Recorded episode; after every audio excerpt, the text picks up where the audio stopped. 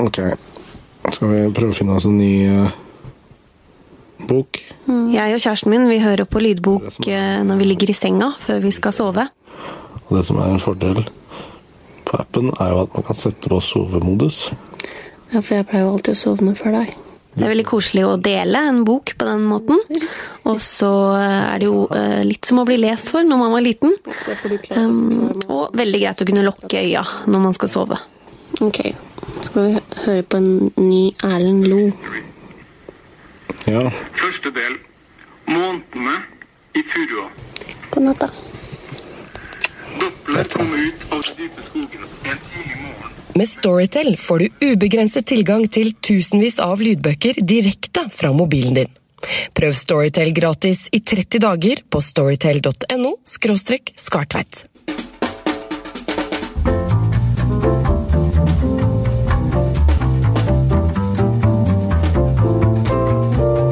Makt er mennesker, og mennesker er makt.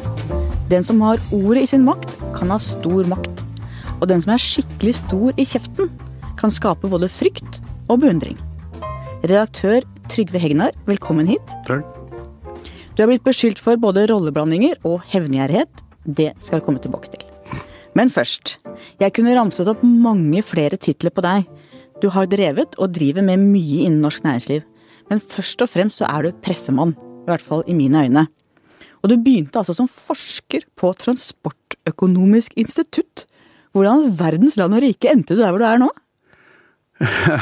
Ja, det er et godt spørsmål. Jeg, da jeg var ferdig å studere i 1968, så tenkte jeg at jeg ville havne opp i noe rederigreier eller finans eller noe sånt noe, for det drev min far med. Eh, Men så fikk jeg da et tilbud da fra Eller ble bedt om av instituttsjefen på Transportøkonomisk institutt, som driver da innen forskning innen transport, samferdsel, om å begynne der som forsker.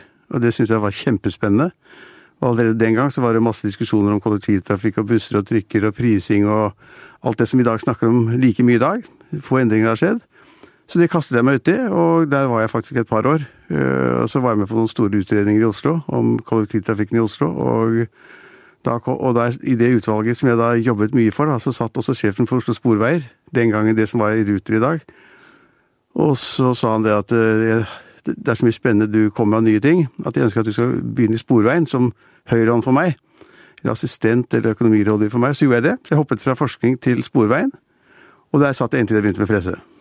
For det begynte du nemlig med 28 år gammel i 1971. og Startet bladet Kapital fra kjøkkenbenken hjemme på Eiksmarka. Du fikk avslag på første kassekredittsøknaden din til DNC på 50 000 kroner. Ja, ja, det var ikke så lett å sette i gang. Altså, jeg, jeg jobbet jo da i Sporveien, og hadde jo uh, da ganske god lønn. for Jeg hadde sånn overingeniørlønn da, som måtte til for å fiske meg fra forskerstillingen. Eh, Så jeg lagde da Kapital om natta, og hadde ikke noe penger selvfølgelig. Og, eh, og fikk ikke låne penger heller. Det var ikke noe rart, for det var ikke akkurat noe å låne til. da. Men jeg hadde, sånn, jeg hadde jobbet som sportsjournalist i Dagbladet mens jeg var i militæret, så egentlig begynte pressekarrieren i 60-årene. Tidlig 60-årene. Så jeg holdt på veldig lenge. Eh, Men jeg hadde en sånn inderlig lyst til å jobbe med journalistikk, og jeg hadde lest eh, Der Spiegel, kanskje verdens beste og mest kritiske tidsskrift, i mange år. Eh, Så jeg tenkte at dette må være noe også innen næringslivet, å kunne lage noe slikt. Og så satte jeg i gang uten penger og uten ansatte og uten noe særlig kunnskap. Og du innførte jo en helt ny form for næringslivsjournalistikk. Uærbødig, direkte, cut to crap. Hvordan så næringslivsjournalistikken ut i Norge før Trygve Hegnar? ja, Det er litt vanskelig å si det selv, men den var veldig eh, autoritetstro, lite kritisk, lite faktabundet. Eh, man hadde ikke noe særlig næringslivsjournalistikk i det hele tatt. Man hadde jo da Dagens Næringsliv, som den gang het Norges Handel- og. Og det var jo redernes avis, og de var veldig lite kritiske. De hadde veldig mye flagg av rederier, og de hadde veldig mye bilder av dåp og sånn. Eh, og Aftenposten var vel den gangen det man kalte næringslivsavisen. De som da bodde i Bergen eller Trondheim eller Stavanger og skulle ha en næringslivsavis, hadde Aftenposten. Men det var veldig ukritisk og veldig eh, underdandig, og det var ikke min natur. Nei, det tror jeg på! Så jeg fant ut at eh, hvis man skulle leve med det, så måtte det være en tøff journalistikk basert på fakta og tall, og kritiske analyser. Eh, Og det ble jo skrevet da i en lokalavis da jeg begynte at man skjønner hvor han står politisk, for avisen er jo rød. Så folk skjønte ikke helt hva jeg gjorde til å begynne med, og plasserte meg litt feil. Eh, Men jeg var opptatt av at journalistikken skulle være uavhengig, hard, redelig og ordentlig, og ikke ta noen hensyn. Det var jo artig at det som kom av næringslivskritisk journalistikk, kom jo fra deg og fra ytre venstresida, Klassekampen med Alf R. Jacobsen. Eh, og dere vel, fant vel ikke tonen helt der imellom, men det var jo virkelig fra de to ytterkantene at det kom mot eliten, mot eh, litt sånn sedate næringslivet som hadde vært beskytta lenge. Ja, altså Det hadde vært beskyttet, og det hadde vært lite kritisk og lite faktabasert. Og jeg tenkte at hvis man brukte mye tall og fakta og holdt seg til visse prinsipper altså Jeg var liksom litt markedsliberal og trodde på fritt næringsliv og aktørene kunne drive osv., men ikke helt fritt. altså Ikke, ikke slik. men... så måtte man skrive det hele tiden, og det var en, altså, du kan si at det som skjedde da i 71 var at Det var et bitte lite blad da, og det kom seg etter hvert, men, men det var bitte lite. Men det var at næringslivet ble veldig overrasket. Altså negativt overrasket. Eh, Folk lurte på hva dette var for noe. og Min far, som da var skipsreder Fred Olsens høyre hånd øh, i finans, han ble jo spurt liksom mange ganger hva driver han sønnen din med? Altså hva er det han driver med? Uh, uh, så, så, det, så det var overraskelsen som var så stor. Og så kom det etter hvert. og så- Men den kritiske holdningen den har jeg forsøkt å leve med hele tiden. Det ser vi. Det er bra. Ja. ja. Du ble faktisk dømt til fengsel for injurier. Eh, Otto Hauglin, en stortingsrepresentant fra SV, av alle, som da angivelig skulle ha triksa med stortingsdietten sin. Ja, jeg hadde noen sånne tilfeller av Hauglin og i Obos, som det da var mye korrupsjon i på det tidspunktet. Det, var, det, det kan jeg si, for det var sant. Men så var det da spørsmål om å, det var riktig å si det på den måten vi gjorde, og slå det opp så hardt på forsiden osv. Men nei, jeg fikk en fengselsstraff. øh, øh, ikke i Hauglin-saken, men det, det var i Obo-saken. Og det var ubesaken, unnskyld. Ja. Ja. Eh, Hvor jeg fikk da en eh, betinget fengselsstraff fordi jeg hadde skrevet det jeg gjorde. Eh, Det syns jeg måte var en lite offer i det store bildet. Ja. Og, og grensene har jo heldigvis flytta seg for hva man kan skrive og si i dag. Hvordan ser du din egen rolle i den utviklingen? Ja, jeg mener jo det at øh, den altså, journalistikken jeg innførte i næringslivsjournalistikken, da Det var jo masse annen god journalistikk i Norge, for all del, men, men det var noe nytt. Øh, Det løft, flyttet grensene, og den har flyttet seg hele tiden. Og pressen er ganske god på bred hold, og masse medier, ikke bare næringslivstidsskriftene, men avisene generelt, er jo blitt bedre på økonomi, og de er jo mer kritiske, men langt fra sånn som de burde være. Og Det skyldes av en eller annen mystisk grunn, og selv om vi skriver 2017, så har ikke de fleste medier har ikke ressurser til å bruke gode folk innen økonomi og næringslivsjournalistikk, dessverre. Har Tror du det ikke. er fordi at eh, de som har den type utdanning kan få mye bedre betalt andre steder? Eh, Ja, det ligger noe i det. Det er klart at, men øh, jeg synes I pressen også etter hvert er det blitt ganske godt betalt. Da, men det er klart at mine journalister i Finansavisen og Kapital, alle de kan jo to eller tre eller firedoble lønnen sin ved å jobbe da innen meglerbransjen eller finans for øvrig. Så det er et veldig godt poeng at det er klart vi er dårligere betalt enn det, men så er det kjempegøy, da. Så jeg har jo folk som blir og blir og blir i flere tiår fordi de syns at øh, økonomisk journalistikk er morsomt, og det er bra, og det er viktig. Slik at lønn betyr ikke alt for alle. Heldigvis, ellers så kunne jeg mistet alle medarbeiderne i morgen. Nei, journalistikk er jo det morsomste i verden. Ja, jeg syns Vi er jo veldig heldige.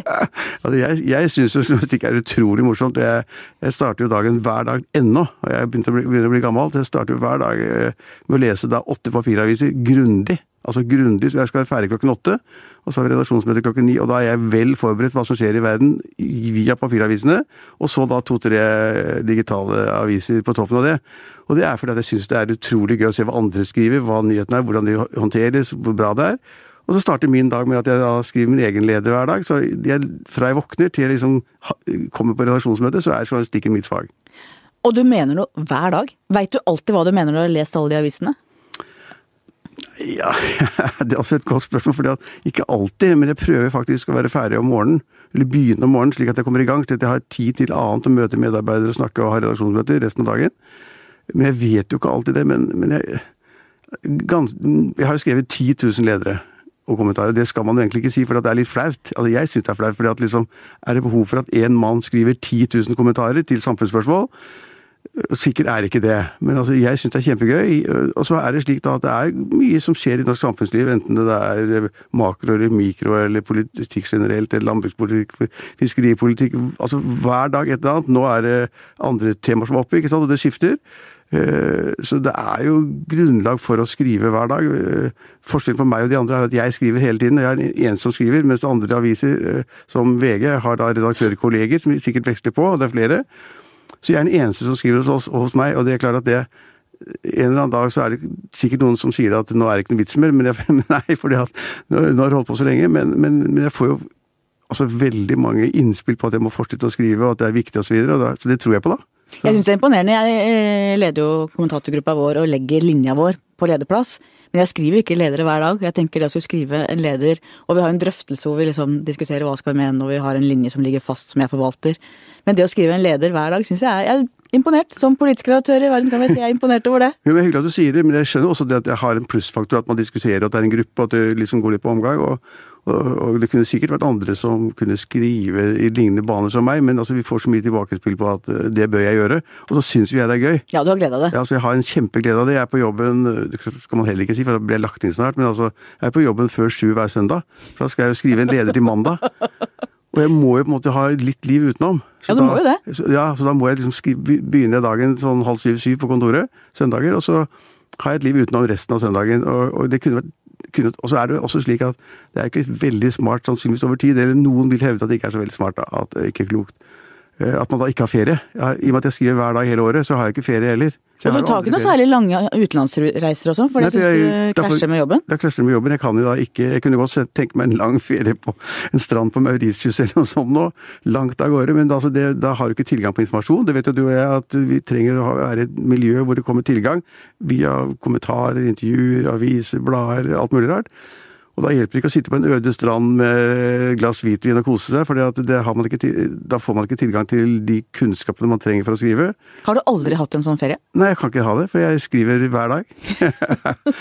så så det, det er klart at eh, det er ikke så farlig. Altså, jeg begynner jo da, så begynner jeg å jobbe seks, da. Og så da, da barna var små, så var jo de vekket jeg de ni, og da var jeg ferdig. Så, jeg, så du kan si at jeg har jo ferie fra ni etter det, men jeg har ikke den ferien at jeg kan bli borte fra jobben. Og det jeg ofte drømmer om å jobbe i et større system, en større avis, VG eller Dagbladet eller Aftenposten, Bergens Tidende, store aviser, hvor de har redaktørkollegium og flere mennesker snakker sammen, og jeg kan bli borte, og at på en måte skipet går uten meg. Og det har jeg ikke. Hvis du ikke passer deg, så blir du utbrent før du er 100, vet du. ja. Men du bruker ofte sterke ord. Nei. Idioter, Nei, ikke, duster. nei, jeg gjør ikke det. Eh, Men jeg, jeg, jeg, skjønner du, nei, jeg skjønner at du sier det, men jeg gjør jo ikke det. Altså På 45 år i Kapital og 25 år i Finansavisen, så har jeg kanskje brukt da dum eller idiot to eller tre ganger. Det er liksom hvert 15. år. Jeg syns ikke det er mye, men, men av og til så, så klarer jeg ikke å la være. Altså, Har du angra noen gang? Er det noen ganger du har sagt unnskyld, kommet med blomster, bøyd nakken? sagt Nei, det har jeg ikke gjort, og det burde, det burde jeg sikkert gjort, men, men jeg har angret et par ganger på at liksom det ble litt for hardt, eller Når da, for eksempel? Nei, ja, jeg husker den der kommentaren om idiot eller noe sånt i overskriften eller sånn. Men, altså, men det, er, det er liksom det, Man husker det, du husker det, øh, man ser det referert, og, men, men i og med at det er hvert 15 år, øh, så ble jeg litt klokere jeg også. Litt mer sånn øh, avslappet og mer slepen i kantene. Slik at det er ikke mye. Hvem liker du i det offentlige ordskiftet? Hvem kan du si at den personen liker jeg veldig godt? Det er bra. Jeg likte jo Willoch veldig godt, da. For han var arrogant og ga seg liksom aldri. Han gir seg jo ennå ikke i de fleste sammenhenger, selv om han forandrer oppfatninger. Det har han jo gjort, men, men, men han skifter jo ikke mening ofte. Han innrømmer jo aldri feil. Eh, Så jeg syns han var god i det offentlige ordskiftet, det syns jeg, men jeg Nei, ja. Akkurat nå har jeg stor glede av, av eh, Senterpartileder eh, Trygve Slagsvold Vedum. fordi Det kunne jeg tenke meg. Jeg har et spørsmål om han seinere i bunken der, skjønner du. Nei, nei, men fordi at han, for at han er eh, Han er både har et godt smil, og samtidig med at han gir seg ikke i det hele tatt. Og så er han ganske faktabasert. Og så er han ganske målbevisst og frekk. Han Er han Norges Donald Trump, eller? Litt, syns jeg, den er litt sånn demagogisk og inntar jo en del Trump-standpunkter, syns jeg, da. Og Fremskrittspartiets standpunkter i innvandring og sånn, som jeg kanskje er litt fremme for. Eh, Så han er litt Han er en agitator. Men han er en karakter. Det er ikke så mange karakterer igjen i politikken. Han Nei. er jo en karakter. Nei, altså er han ganske god i debatter, for han liksom man smiler og ler, og så er han steinhard og hakker deg ned og bryter inn hele tiden. Så han, han passer i, i dagens politiske miljø, så passer han ganske godt. Så kan vi utrope han til din favorittpolitiker akkurat nå. Akkurat nå jeg har jeg mest glede av han, faktisk. Ser du på jobben i pressen som et kall? Jeg har gjort det hittil, faktisk. Jeg synes det journalistikken er Altså, jeg begynte da som sportsjournalist i Dagbladet, og, og jeg har- skrevet siden, og jeg, jeg syns det er en viktig sak. Og så er det spørsmålet liksom Betyr det noe i det store bildet? Er det en forskjell? At man er der, det, det kan man ikke si, men Jo, jeg tror det. Ja, jeg vet også du er veldig opptatt av journalistikken som sådan. Ja.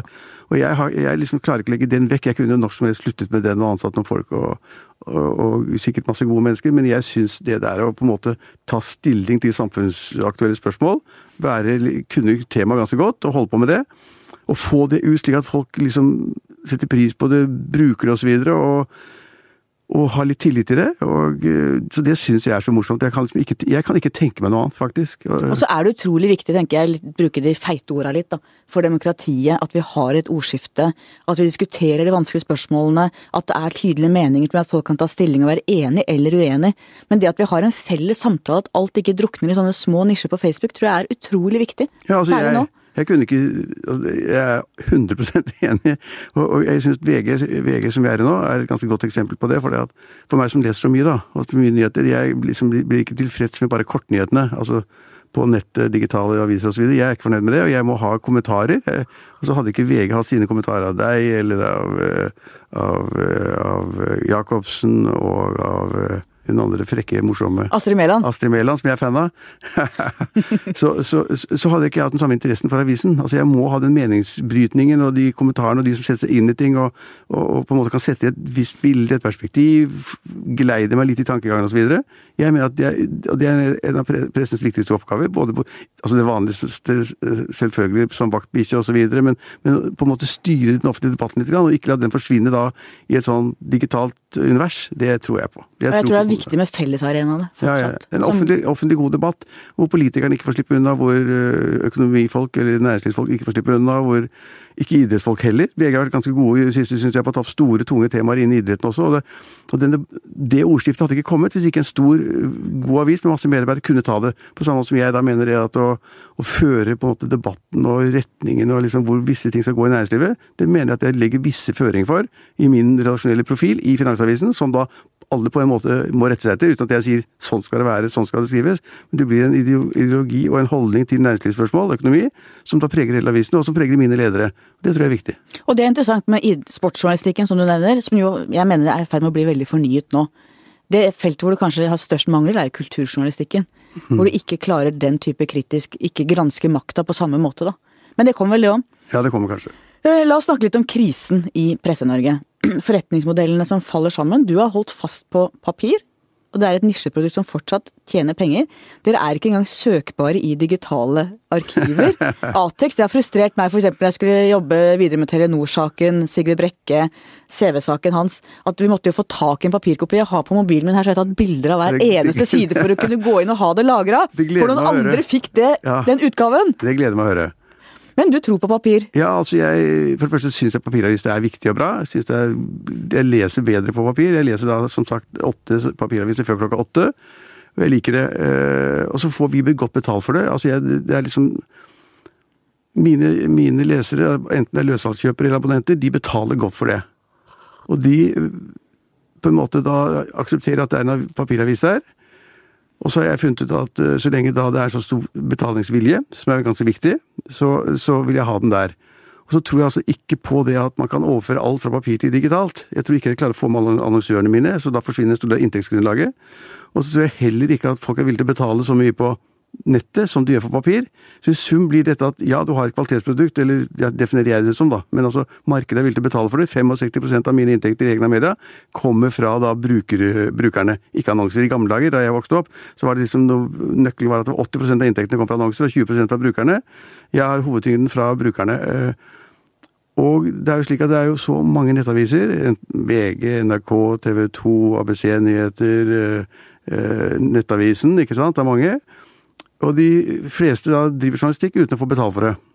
Eh, Det, og det betyr at nesten hvem som helst kan etablere en ny avis på nettet. Nesten kostnadsfritt. Det er billig som bare bare rakkeren. Det er bra. Det er bra. Men, men de på en måte vil gjøre det vanskelig for nesten all presse etter hvert å få betalt for det de skriver, på nettet. Og det er nødt, da. Det er nødt til hvordan skal vi løse det. Og jeg syns jo jeg ser at det er eh, at kjærligheten til papiravisen er litt mer tilbake nå. Den hypen hvor det bare var digitalt som gjaldt, er jo litt over. Og jeg syns jo for eksempel vår papiravis er blitt eh, bedre enn etter at vi hadde en litt sånn down-periode hvor det handla veldig veldig mye om digitalt. Ja, altså, Nå hvis- gjør vi litt mer begge deler. Ja, Hvis alle tror at alt skal gå- gå på digitalt, så betyr det sånn at det er litt for lett å etablere seg. Teknologien, løsningen er på en måte litt lettere enn å da sette i gang en svær avis med trykkepapir og journalister og distribusjon og logistikk og sånn. med bud og greier, så det er nesten for lett. og, og, og og jeg tror ikke at uh, min publikasjon, uh, mine publikasjoner, enten Finansavisen eller Kapital, ville overlevd en overgang til digitalt. Derfor stritter jeg imot det.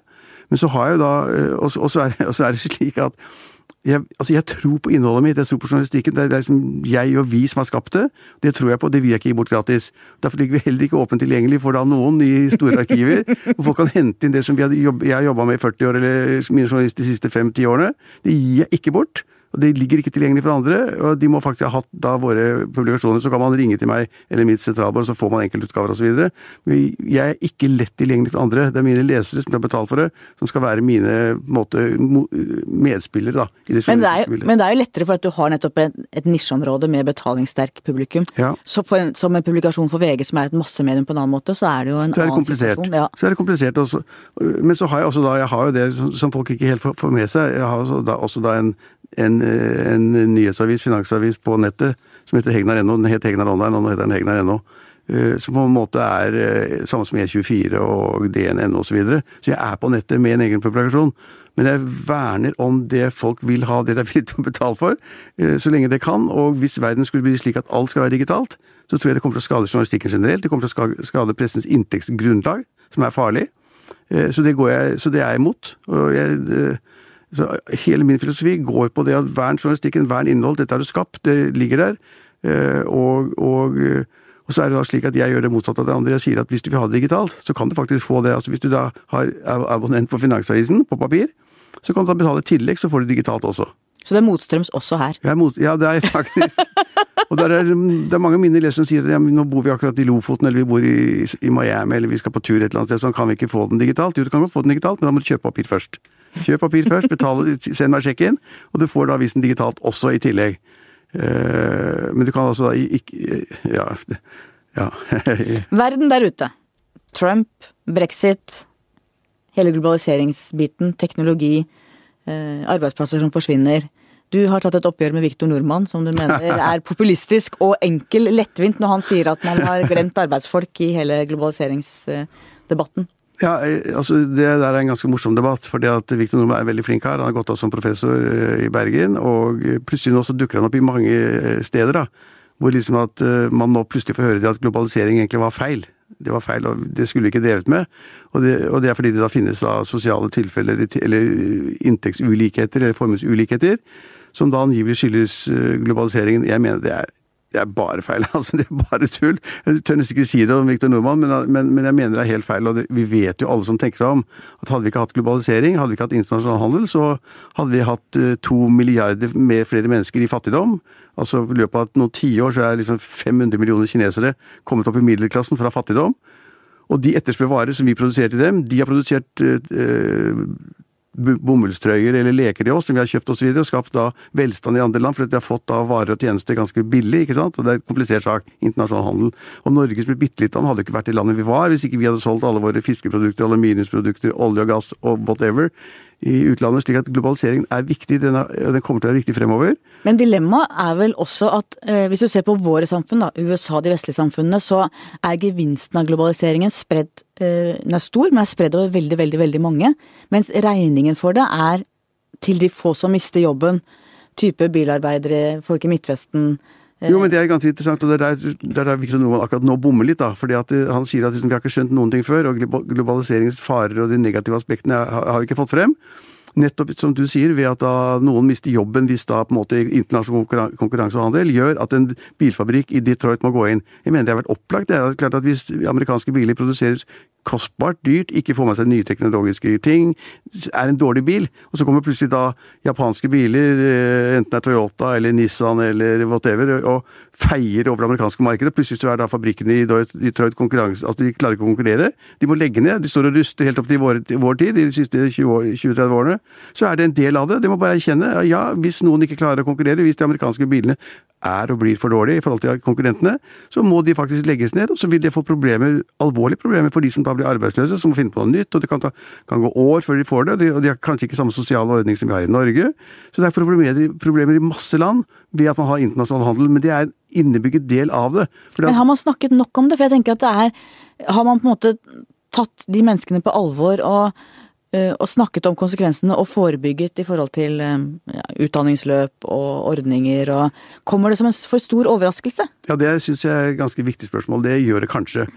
Kanskje i USA, hvor man ikke har snakket så mye om det, og hvor det er ganske store grupper som plutselig blir utradert og ikke, ikke kan ha et yrke lenger. Ulikhetene har jo blitt dramatisk økt i USA. Ja, men altså i Norge har vi åpenbart snakket om det, for vi har sosiale ordninger som er veldig gode. Vi har ordninger for de som mister jobben, vi har langtidseffekter, vi har, vi har øh, ordninger som tar for seg de som da ikke klarer å jobbe i det hele tatt mer, de som blir uføretrygdet, hva det måtte være. Vi har ganske gode ordninger i Norge. De fleste blir tatt vare på, men en viss ulikhet selvfølgelig.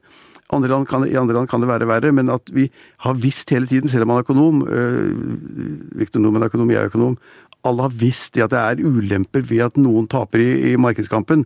Øh, og, og, så er det spørsmål hvor mange taper samtidig, og rammer det flere bransjer og flere selskaper og sånn. Men jeg syns at det er helt opplagt at sånn må det, må det faktisk være. Og det, til manges overraskelse så er jo du en forsvarer av velferdsstaten? Ja, en forsvarer velferdsstaten. Absolutt. Og hva tenker du om velferdsstatens fremtid nå, med det vi står i på alle kanter? Ja, for Vi har jo en velferdsstat, den kan ikke rokkes ved. Det er marginal vi snakker om. Du og jeg har skrevet leder og diskutert om uh, om man skal ha kontantstøtte eller ikke kontantstøtte, om vi liksom, eh, i hvilken grad innvandring osv. betyr noe. Men, men, men, vår velferdsstat er så forankret, og det er marginale forskjeller i partienes oppfatning. De budsjettene de kommer med, varierer med tre eller fem milliarder kroner.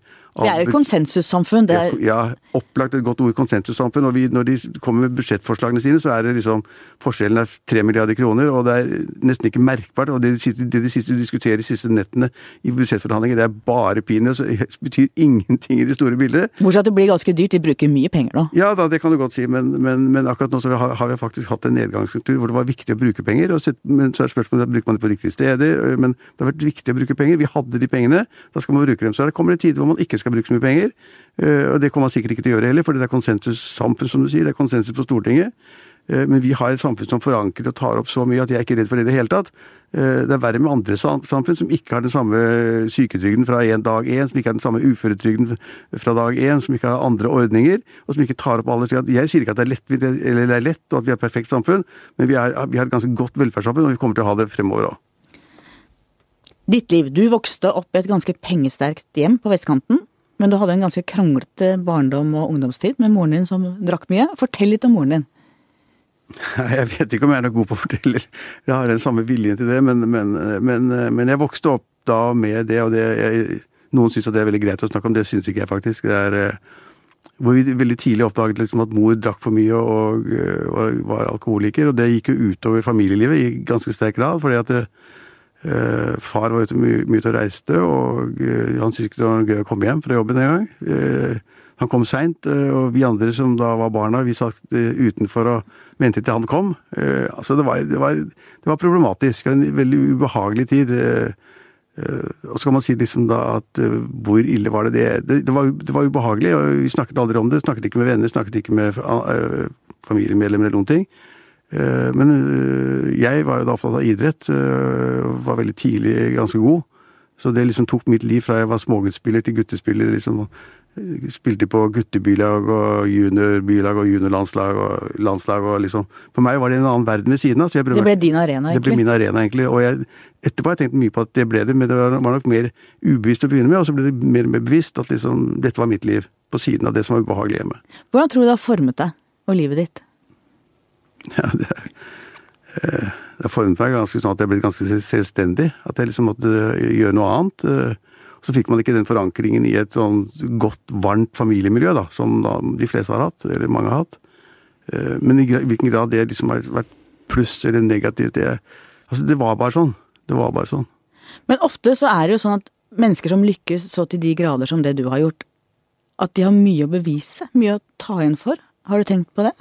Jeg har tenkt på det, faktisk. Eh, den, den konsentrasjonen For jeg begynte tidlig med idrett. og, og med alle idretter, enten det var band eller fotball eller håndball og alt mulig rart. Jeg var, var på alle arenaer. Eh, så vet, vet jeg, ikke, jeg vet ikke om man kan si at det var et sånt behov, indre behov for å ta igjen eller gjøre noe, men, men det ble en arena hvor jeg liksom var ganske god fra jeg var liksom smågutt og guttespiller, og da, da, ble det det som jeg brød meg om, faktisk. Mm. Og så ha, ha, Min far, da, som da jobbet i Fred Olsen, uh, var jo veldig mye på reise. Uh, så jeg husker liksom Fornebu, det var den gang, for, de gamle Fornebu, det var liksom hente og bringe og hente og bringe og ta imot på den bitte lille flyplassen. Uh, og hadde da en ganske dårlig kontakt med min far også, selv om jeg liksom forsto hva han drev med og sånn. og han, det var jo hans uh, skyld, eller han var årsak til at jeg tidlig begynte å lese Financial Times og Economies og den type blader, for det lå jo overalt, og det var det man hørte om og snakket om. Uh, men han var en underlig skrue, for han snakket aldri business med meg, enda jeg var veldig interessert. Hvorfor tror du det var sånn? Nei, det, har- det har jeg ikke skjønt et ord av han. Og det var ikke et ord fra han om at jeg skulle studere økonomi eller noe sånt eller Han var ikke så opptatt av barna, egentlig. Nei, ikke i det hele tatt. Tror jeg. Ja, sikkert at vi var veldig små, for det kan jeg ikke erindre, men, men i, ungdomstid ungdomstiden og sånn, ikke i det hele tatt. Så du har egentlig ikke hatt den støtten hjemmefra som mange har? Og Nei, ikke- interessen og nysgjerrigheten og Nei, ikke i idretten eller i studier eller økonomi. altså Det høres ut som man syter og klager og sånn, men det er jo et uh, åpenhjertig intervju. Men, men min far var jo altså Jeg var ganske god fra jeg var, fra jeg var ung, da. Eh, men min far var aldri meg på en eneste håndballkamp. Altså det er ganske, ganske snålt. Ja, det er snålt. For at jeg har jo selv vært far og hatt barn som spilte tennis og idrett og sånn. Jeg synes jo Noe av det morsomste jeg gjorde, var å reise til Furuset og tidlig søndag morgen og være, liksom, se på de og spille og hente de og bringe de og sånn. På treninger, og, og det var jo fire-fem ganger i uka. Og jeg syns det er noe av det morsomste jeg hadde med unga mine. var jo det å være med og se de utvikle seg og lære av andre og bli liksom interessert i idretten. Eh, så det syns jeg var en fenomenal del av mitt liv som far. Eh, men jeg hadde aldri det. Altså, Snakka du med han om det noen gang? Nei. Altså, han så ikke en klubbkamp, og han så ikke en landskamp. I er- er ettertid, når jeg har fått det på avstand, at jeg liksom syns det er nesten komisk. Blir du sint, eller? Nei, jeg syns det er komisk. Jeg syns det er komisk fordi at jeg ser jo hvor mange av mine venner eh, som har barn, enten de spiller tennis eller fotball eller står slalåm, så er de liksom tidlig oppe i slalåmbakken og setter sånne porter og greier og fryser i hjel på Nordfjell og Hafjell og sånn, og syns det er gøy. Altså, de, og, og det syns min far Det var han aldri med på. Det, det syns jo jeg i ettertid er snålt, altså. Ja, for det var jo ikke bare du som gikk glipp av det, men han gikk jo også glipp av veldig mye. Ja, jeg mener at han må ha gått glipp av veldig mye. Jeg husker en gang en onkel av meg, fars bror, kom og så på en landskamp i håndball, og da syntes jeg det var så gøy, jeg holdt nesten begynt å grine. Så det, så det var veldig snålt. Men jeg, men jeg ser på det egentlig et mer sånn distanse, ironisk lys, enn at jeg er sint over det. Det, det er jeg ikke. Men hadde jeg hatt han her i dag, så hadde jeg kjeftet på han. Ja, du hadde det. um, hvordan hvilke råd vil du gi til andre hvis man ser et barn som vokser opp med alkoholisme, hvis du ser barn som har det sånn som du hadde det? Hvilket råd vil du gi til folk da? Og til de ungene? Jeg tror det at man må konfrontere det. Altså man må, for oss ble det jo slik at vi gikk rundt og fant flasker, ikke sant? og liksom her hadde beviset til far. La frem flasken og så videre. Og så, og så var det ikke noe gøy å komme hjem fra skolen, og så lå mor på sofaen og sov, liksom. Så det, altså, det, det tror jeg man faktisk kanskje kan unngå hvis man konfronterer liksom Mor far må se hverandre i øynene, og barna må fortelle hva de ser. og og Det må bli en offentlig, eller altså en privat debatt, da, men det må bli en liksom diskusjon i familien om det. Man kan ikke bare la det skurre og gå. Eh, Jeg husker en gang, eh, en av de få gangene hvor min far sa noe om det, hvor komplisert i livet var. så sa han, Da sa han, det glemmer jeg ikke, det var én setning, og det var sånn at du skulle visst hvor mange filmer jeg har sett på Frogner kino. Orka ikke gå hjem. Og det er klart at det ble jo litt snålt når man hørte det, eh, for det var sikkert sant. Eh, Så, så man må ikke gå unna problemet, man må ikke vikke unna, man må faktisk ta det opp og bli konfrontert med det. Så din direkte form ligger kanskje også litt herfra? Ja, jeg tror det. Um, Far-sønn-forholdet er fascinert av det. Maureen Dowd, som er min favorittkommentator i New York Times, hun er veldig opptatt av far-sønn-forholdet. Hun skriver om George Bush junior og senior. Senior fikk én eh, periode, da måtte junior ha to. Mm. senior gikk inn, men tok ikke Saddam Hussein. Da måtte George Bush junior gå inn og ta Saddam Hussein. og hun snakker om, om Donald Trump, som hadde en veldig autoritær far, ikke sant. Eh, her har du Rune Gerhardsen, som prøvde å bli politiker og aldri nådde opp til far Einar Gerhardsen. Det er noe med det far-sønn-forholdet som fascinerer meg. Ja. Så må alle sønner på et vis overvinne sine fedre, tror du? Nei, jeg vet ikke det, men, men i, i mitt tilfelle så er det mye enklere fordi at eh, min far påvirket ikke noen ting. Ikke til journalistikken, ikke til studieretningen, ikke til interesser og ikke til idretten. Så han var altså da uinteressert, tilsynelatende. Kanskje han var det, kanskje han var for opptatt, det vet jeg ikke. Men han påvirket, påvirket ikke noen ting. altså Det, det syns jeg liksom det rare i ettertid, når jeg tenker liksom på ungdommen og i forhold til mine barn òg. At liksom, interessen var så langt unna. Bestemoren din, hun var du nær. Ja. Jeg var veldig tett på min egen mormor, eh, og ofte tenkt at den kontakten på tvers av generasjonsskillen nå kan bety veldig, veldig mye.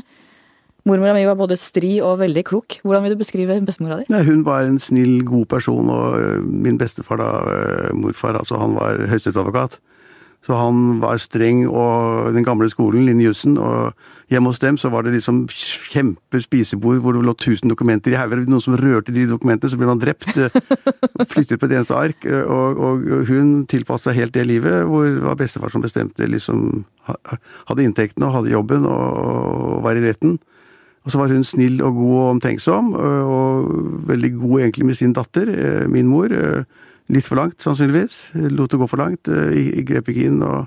Men jeg hadde veldig godt forhold til henne, og da hun ble gammel, eh, eh, sammen med min bestefar, så, så, tok jeg meg av dem og sørget for at eh, da min, da min bestefar falt fra, så sørget jeg for at min bestemor, da, mormor, at hun da fikk hjelp i huset, fikk mat hver dag og alle måltider og sengetøy skiftet. Og jeg sørget for at hun skulle få et godt liv. Og det, vi hadde et veldig godt forhold. Jeg besøkte henne tre-fire ganger i uka. Så det var bra. Var hun viktigste voksenpersonen da du vokste opp, eller? Ja, hun jeg hadde tillit til, som jeg stolte på, som sa morsomme ting, og, og, og så var bestefar kjempestreng. så var, hun var liksom den gode avslappende. Så, så, jeg bestemte meg for, da, da, der hvor de bodde, da, på Frogner, at, at jeg skulle sørge for at hun fikk et godt liv på slutten, hvor liksom hun skulle ha alt hun trengte. Var, jeg tenkte at hun skal ha det. Uansett hvordan jeg klarer å oppnå det, så skal hun ha det, og det fikk hun. Og det er godt å tenke på. Og det er godt, godt å tenke på. Du begynte tidlig med business, jekket sammen gamle sykkeldeler og solgte dem da du var guttunge? Ja, eh, det gjorde jeg. Jeg var ikke noen, jeg var ikke noen stor sykkelreparatør før. Men, ja, for du er ikke noen stor praktiker, egentlig? Nei, jeg var ikke noen praktiker, men jeg, jeg gjorde faktisk det. Jeg fikk tak i gamle sykler, reparerte de og solgte de med en liten fortjeneste. Eh, og nå er du altså self-made milliardær. Er du stolt? Det er et ganske vanskelig og godt spørsmål. Altså, Jeg er ikke stolt av det, for jeg hadde ingen planer om det da jeg begynte. Da jeg begynte som forsker på TUI, så tenkte jeg at det kunne bli i mange år. Hadde jeg ikke blitt fisket i Sporveien, så hadde jeg blitt der ganske mange år, tror jeg, for det var veldig gøy. Og masse flinke mennesker rundt meg. Jeg lærte noe hver dag. Eh, som, som, som var ganske spesielt, da, at man hadde den type mennesker rundt seg. Og jeg, og jeg hadde ingen planer om at det som jeg startet med Kapital den 5. mars 71, eh, skulle liksom da bli masse penger, og sånn som det er nå, i overmål mye penger. Jeg hadde faktisk, Pussig, det er bare noen dager siden jeg hadde et lite sånn familiemøte med barna mine. Det passet seg slik, og da fortalte jeg liksom egentlig hva ståa var. Det hadde jeg nok ant en del, men ikke skjønt dybden i, da. Det, så det var ganske viktig å få frem det, hvis noe skulle skje og sånn. Har du planlagt for det? Ja, jeg har planlagt litt for det. fordi at... Nei, men det, var, det er ganske Verden er rar. altså Jeg begynner å, jeg var i New York med barna mine for noen uker siden, og så skulle alle da på liv og død opp i helikopter og se New York, New York fra oven. Det sa jeg blankt nei til. Så at jeg skal liksom hele familien og alt det jeg har drevet med og sånn, og plutselig liksom være borte eller være andre steder uten at vi har noen styring på det, det orker jeg ikke. Ja, ja, men det er mye farligere å kjøre bil til Gardermoen, sa de, og du kan daue på vei til Gardermoen, men, ja, men jeg orker ikke tanken på å sitte i et helikopter, og så skjer det da. Så jeg, så jeg, har faktisk begynt å tenke litt på hva som skal skje. Og da er det at det er blitt veldig mye penger. Men jeg har aldri planlagt for det. Aldri... Og hva skal skje etterpå? Nei, det, nå er jeg veldig heldig da, at en, en har studert journalistikk, er ferdig akkurat nå. Om, noen, om, et par måneder, og en har studert økonomi, ferdig med et par måneder. Så jeg er litt heldig, de er på samme banehalvdel, og min datter har skrevet, jobbet i Bergens Tiden og, og opptatt av journalistikken som sådan, veldig og min sønn er opptatt av økonomi, så, så, de har på en måte bakgrunn og teori for å liksom kunne gå videre. og så... De blir et godt team? Ja, jeg tror de kan bli et ganske godt team. Og så er jeg ikke opptatt av at det er, men det er, det er altså Vi som har veldig mye, vi liksom innrømmer altfor sjelden at det er mye. Altså, Jeg har så mye at det nesten det er snålt. Eh, og jeg har ikke jobbet for det, eh, men jeg har vært veldig opptatt av da jeg fikk, da jeg fikk det, at jeg skulle forvalte det ordentlig. Jeg kunne ikke bare det er et ansvar. Si at, ja, jeg kunne ikke si at jeg er bare journalist, og det spiller ingen rolle liksom, om, om, jeg har et økonomisk fundament. Nå er jeg så sterk økonomisk at det spiller ingen rolle hva folk kan si hva de vil. Jeg låner, låner, ikke penger, jeg låner ut penger, og jeg har pengene i banken. ikke sant? Jeg bør ikke spørre noen banksjef om noe som helst. som du var inne på Du er fri? Jeg er fri. Jeg er fri som bare rakkeren, og jeg, den uavhengigheten den, den har liksom hengt over meg siden jeg begynte i 71. At jeg er liksom uavhengig, bør ikke spørre noen om noe. Hadde ikke noe penger, eh, trengte ikke så mye penger, jobba døgnet rundt. og, og og nå har jeg masse penger, og de vil jeg forvalte ordentlig. Men ikke, spekta, altså ikke spektakulært, ikke spekulativt. men og så er det blitt veldig mye mer enn man kunne drømt om da jeg startet. Det er ikke noe sånn kokettering. jeg hadde ikke drømt om det. Uh, ja, så, så, det Og da er vi tilbake til mitt kritiske spørsmål. Du er blitt beskyldt for rolleblanding, både å skrive om og drive næringsliv. Hva tenker du om den kritikken? Nei, men Det er, det er ikke så rart at det kommer. Uh, ja, du skjønner det? Jeg skjønner det at hvis jeg eier Det var en som sa at jeg hadde kjøpt et hotell en gang Og så hadde det stått en artikkel om det liksom i, i, i Kapital, at det var liksom da Jeg skrev om det, og så skulle jeg på en måte da på en måte det var starten på å kjøpe hotell og sånn. altså Det er ikke sånn det foregår. Og, jeg, og, og det er knalla i justis, og det vet jeg det er helt sikkert er i VG, sånn hos meg. altså Hvis jeg skrev et eller annet i mine publikasjoner som da var, som folk skjønte at det var liksom i favør av mine næringsinteresser, så ville jeg blitt drept. Altså jeg, jeg kan ikke utøve redaktørjobben hvis jeg blandet de der kortene, så det er jo helt tullete. Trygve Hegnar der kunne godt ha kritisert den Trygve Hegnar som sitter med de rollene. Ja da, øh, for jeg, for jeg ser at, det, at folk tror det. Eh, Men altså, nå har vi sånn prinsipp hos, hos meg, da, blant, og jeg, har, jeg trader jo ikke aksjer og sånn, for det blir helt håpløst. ikke sant, det Skal jeg drive med det, da, da ville jeg dødd, altså, både arbeidsomfanget og annet. Men, men, men, men så har vi en sånn der regel da, at, at det skal stå da, når du skriver om da vi har interesse. Nå har jeg bare én interesse. Altså, jeg er jo nå aksjer i et fiskeselskap. Lakseoppdrett, som er kjempespennende og kjempemorsomt. Eh, og da står det jo, hver gang vi skriver om laks, da, så står det vi gjør sterkt oppmerksom på vi gjør oppmerksom på at Trygve Hegnar har interesser i laks. Og det står jo nesten hver dag, og jeg blir helt svett av det. For jeg tenkte liksom, skal det stå hele tiden? For noen tror sikkert at liksom, det er et pluss at det står, at det, er, at det er viktig å få frem, og jeg blir helt dårlig av det. Eh, Men det, Men det er står ryddig, da. Men det er ryddig, og det Ja. står. Og, og jeg hadde en episode en gang, det, når vi først snakker om det, for det er ikke så ofte pressefolk snakker med pressefolk, men jeg hadde en episode da jeg satt i styret i Dagbladet. Så var det en journalist som skrev en artikkel om da at, øh, at øh, Kapital hadde skrevet artikler om et cruiseselskap som jeg hadde aksjer i, øh, uten at det ble fortalt. Og så viste det at det var helt feil. Men det, det det ble fortalt hadde stått i en sånn boks under artikkelen. Så da det gikk elektronisk, så falt boksen ut, så han fikk ikke sett det. Og da ble jeg så sinna at jeg gikk ut av Dagbladets styre dagen etter. Jeg, jeg, sa at man må i hvert fall sjekke de som har tillitsverv i, i avisen. For du, er litt hothead. Ja, jeg var iallfall det da. Jeg, da, da, jeg, og da, da ringte jeg liksom Jens B. Heyerdahl, som hadde bedt meg sitte i styret øh, for han. At jeg går ut og sier Og William Nygaard satt der også, og han var helt vill. Jeg sa nei, dette finner jeg meg ikke i. Det er sånn opplagt feil, og det, feil kan vi gjøre alle sammen. Men det plaget meg mange år etterpå, for folk trodde jo på det. Så det var svært oppslag om at man hadde da at man hadde skrevet om NCL uten at det sto, men det sto altså i rammer under hver jævlig artikkel. Men, men, og det er klart at men det kan jo ikke være slik at fordi at jeg har gjort det bra innen journalistikken, så skal jeg ikke forvalte det. Altså, Jeg kan ikke gi bort alle pengene. Da, da mister jeg friheten min, og den er det viktigste jeg har i journalistikken. Jeg kan gjøre hva jeg vil når som helst. Jeg kan lage en ny avis i morgen, jeg kan lage et nytt blad i morgen, jeg kan kjøpe en Akkurat nå holder jeg på å jobbe med å kjøpe et kanskje svært medieselskap. Jeg, det kan jeg gjøre uten å blunke. Hvilket er det? Men, men, men, men ganske, ganske spennende og viktig, eh, og det kan jeg gjøre uten å blunke, for jeg har ressurser til det. Betyr ingenting, Jeg må ikke love, gå i banken og spørre kan jeg låne 100 millioner kroner for å kjøpe et eller annet. Altså, det gir meg en frihet som jeg tror man, man må liksom nesten sitte i samme situasjon for å forstå hvor god den følelsen er. Jeg kjenner litt av det samme uten sammenheng for øvrig, men det at VG alltid har tjent sine egne penger. Ja, og- Gamle Sigmund Lode, redaktør i VG, sa at vår redaksjonelle frihet ligger i den trillebåra med penger som vi kjører over gata til Skipsted hvert år. Ja, det syns jeg er godt sagt. Og Torry Pedersen sa til meg for, bare for noen uker eller måned siden, han sa det at liksom, da var inne på det overgang fra VG til digitalt, og hvordan skulle fremtiden bli og sånn. sa han, ja, men én ting, Trygve. Vi har tjent penger hele tiden. Masse gode penger for dette systemet her, og det er bra. Vi trenger ikke krype for noen. Det er deilig. Og det var, Han sa ikke akkurat det, men det var det han sannsynligvis mente ved å si at vi var stolt av at VG hadde tjent penger hele veien, og opp til nå også gode penger. Da får man en god posisjon i skipsnettsystemet. og jeg, så jeg har det, så jeg ser det at folk syns at det liksom er litt merkelig av og til, og det, og det er klart jeg har jo interesser innen hoteller eller fast eiendom, eller nå er det fisk, da.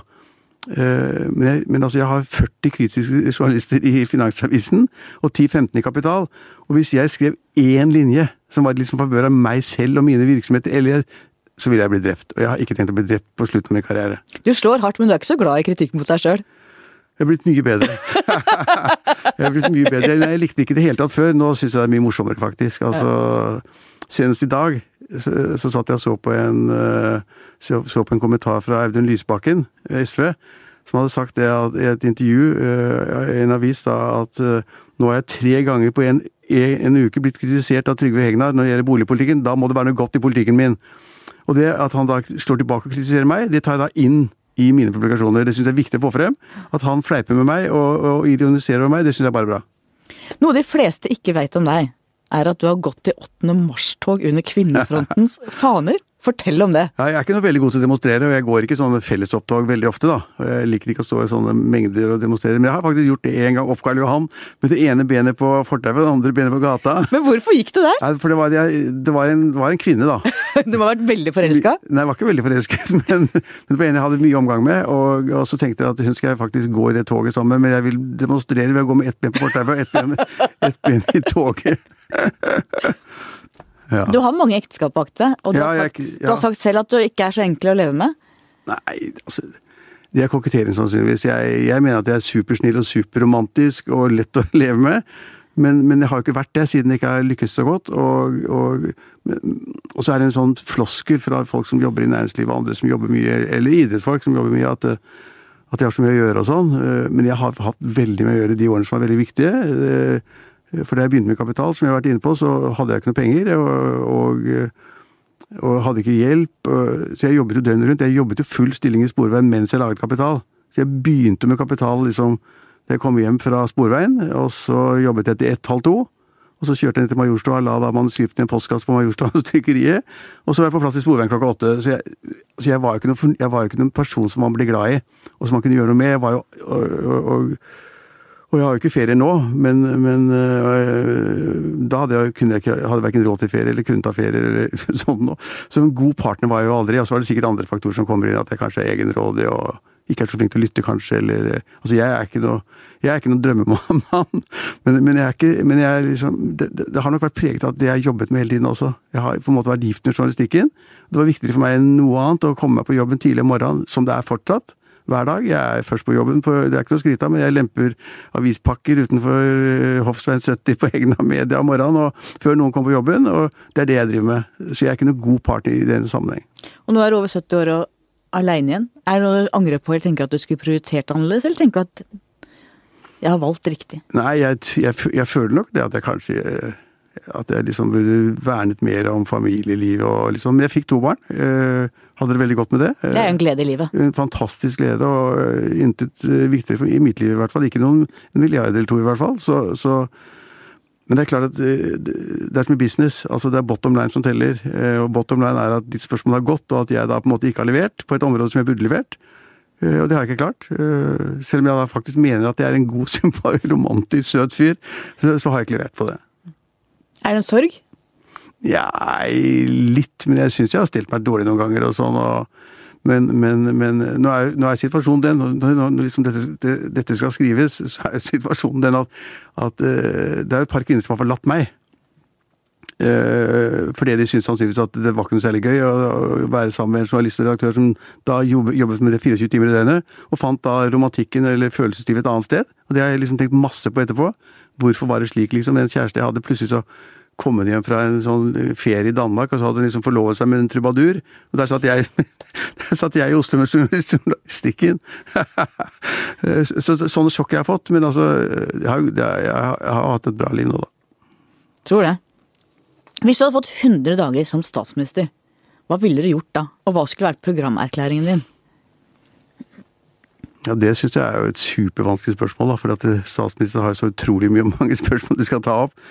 Men jeg, jeg, tror nok jeg hadde holdt meg til finanspolitikk og eller økonomipolitikken og liksom eh, vilkårene i det norske samfunnet osv. Jeg tror ikke jeg hadde vært ekspert på, på innvandringsspørsmål eller eh, kulturspørsmål eller andre ting, men jeg tror jeg hadde holdt meg til finanspolitikk. Og, og hvis jeg kunne få bestemme i diktators form, så ville jeg tatt for meg det som jeg, jeg er ganske god på. Det er landbrukspolitikk og landbruksøkonomi. Jeg bestemte meg tidlig, for 40 år siden, at det var ingen som skrev om, ingen som hadde peiling på, annet enn de som da jobbet i næringen, eller var politikere.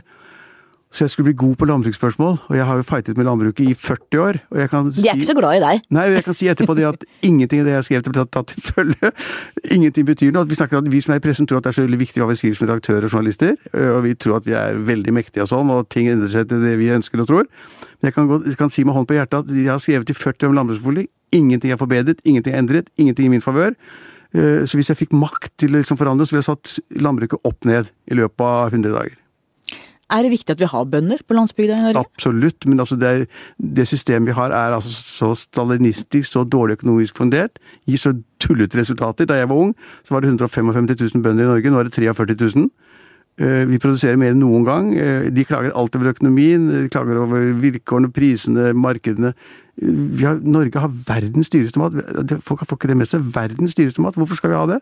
Men, det jo, men i forhold til inntekt så bruker vi ikke så mye større Nei, nei, men, altså, enn vi, andre nei, men den inntekten, det er helt godt poeng. Eh, Vi har en høy inntekt. Men den inntekten kunne vi jo bruke på kulturspørsmål, reiser, lære, gjøre andre ting. Unga våre. Vi er ikke nødt til å bruke alt sammen på mat. så, og, og vi betaler 50% mer enn svenskene for maten. Hvorfor skal vi det, liksom? Så, Så så din programerklæring ville vært å gjort noe med landbruket? ja, jeg ville gjort noe kjempe med landbruket. Vi satte opp ned, og sannsynligvis da spart landet for 10-15 milliarder kroner i året. Og vi ville fått billigere mat, bedre mat, lykkeligere bønder. altså alle ville blitt glade. alle ville blitt glade med Ja, alle- blitt statsminister. Det er veldig bra. Du beskrives både som gjerrig og spandabel.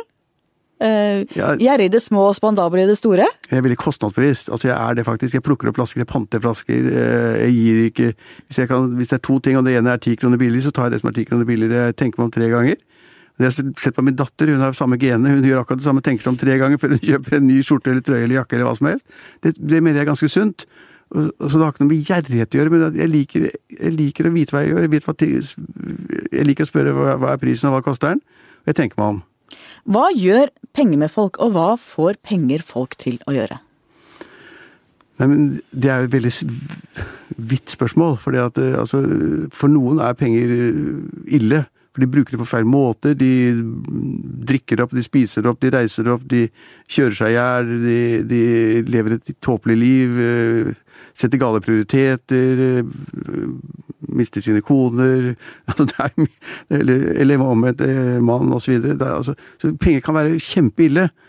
Men penger i, i, i, i fornuftige menneskers hender Du hadde et intervju med Johan Andresen som jeg har hørt på. Godt, eh, altså han, han tenker annerledes enn mange andre og har en god økonomi. Han arvet riktignok mye, da. Og det kommer fra tobakk. eh, Men, men, men, eh, men det går an å gjøre mange gode ting.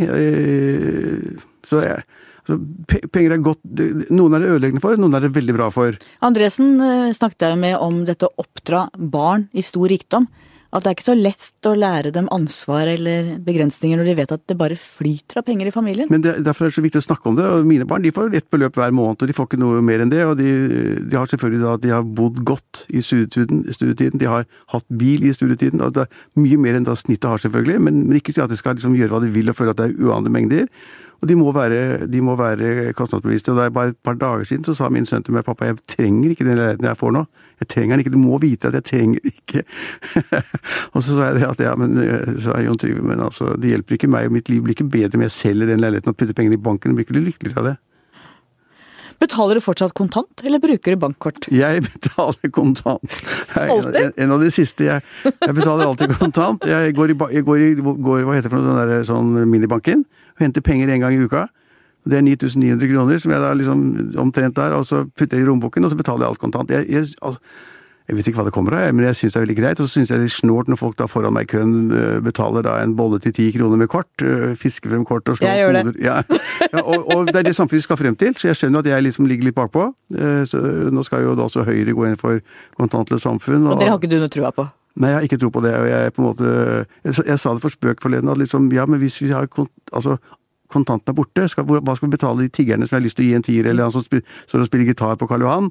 Ja, men de har, de har sånne terminaler, de nå. Eller, Vips, eller. Vips, har ikke sant? Eller terminaler.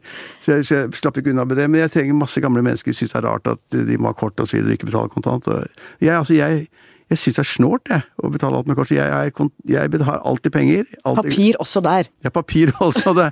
og det, har, det har jeg faktisk alltid. Og, og plutselig hvis jeg står i køen og skal betale en regning på, i matbutikken, så plutselig så er det kanskje blitt liksom, litt mye penger. Så tenker jeg nå har jeg ikke kontanter, men så ser jeg plutselig jeg har alltid kontanter. Alltid kontanter. Fra smått til stort. Tror du på Gud? Nei, jeg gjør ikke det. Aldri gjort. Nei. Nei. Helt til slutt, mitt faste spørsmål. Hva skal bli historien om deg? Trygve Hegnar, det var han som Ja, jeg håper jo at man da faktisk tenker på han som da startet den kritiske journalistikken i Norge, næringslivsjournalistikken, mange, mange år siden. Og så håper jeg jo også at noen sier at det, en, at det har vært en bitte liten forskjell, jeg skal ikke overdrive det, men at det har vært en bitte liten forskjell i alt han har skrevet. For jeg har skrevet 10 000 ledere. Det tror jeg helt sikkert har. Tusen takk for at du kom. Hyggelig.